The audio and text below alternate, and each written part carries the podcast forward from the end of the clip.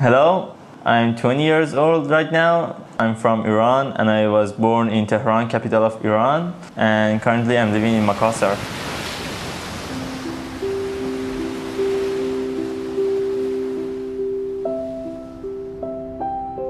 In the early days that we came into Indonesia, I personally had a really hard time uh, going out of the our place because going out means that we had to interact with other people and uh, since we didn't understand Bahasa Indonesia, I couldn't interact with them and I felt so bad about it.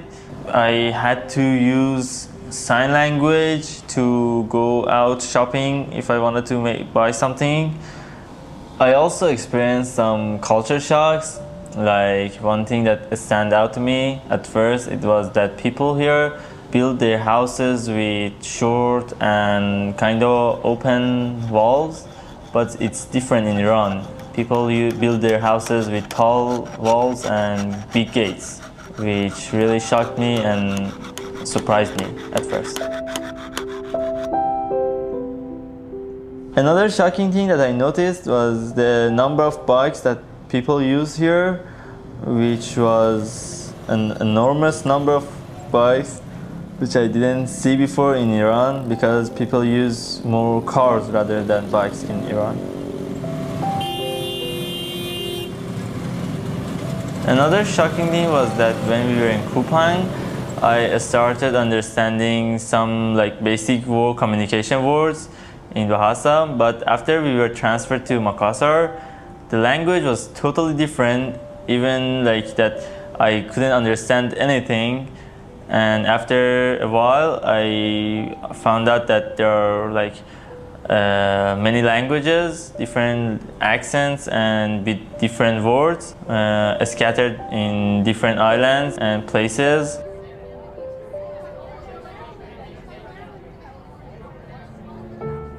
I wish I could have made a lot of Indonesian friends during these past seven years, but unfortunately I have failed at that, or at least I haven't made a lot of friends because and the reason well is not it's not because I didn't want to for refugees because of the restrictions by the laws and also language barrier because uh, we were kept in a situation that we were unable to communicate with uh, locals and have a proper education about this the language.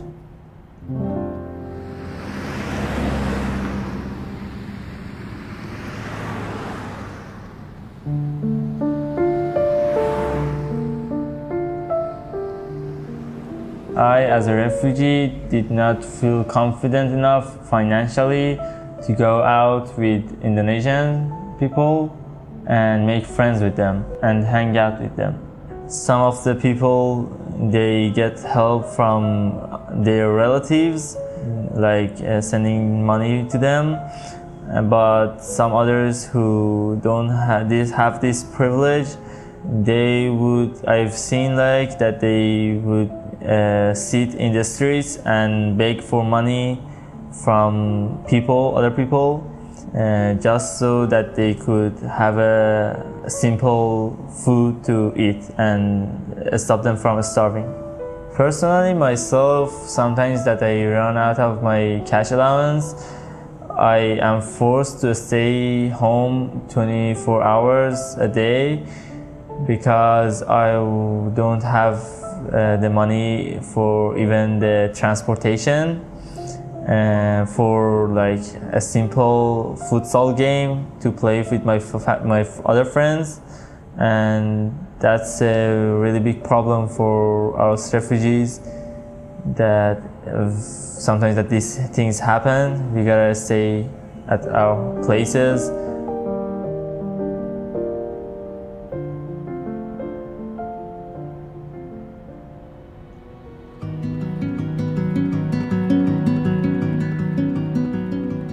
here we have a lot of free time that is needed to be filled with fun stuff.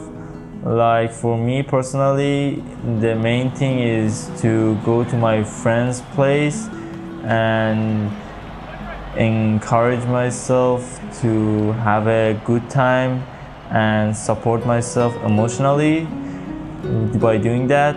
I also play video games, watch movies, TVs, and also I listen to podcasts uh, and I also read books. Um, the one that I recently read was a book called 1984 by George Orwell, which I really recommend it to you. If whoever that is listening, it's a good book to read.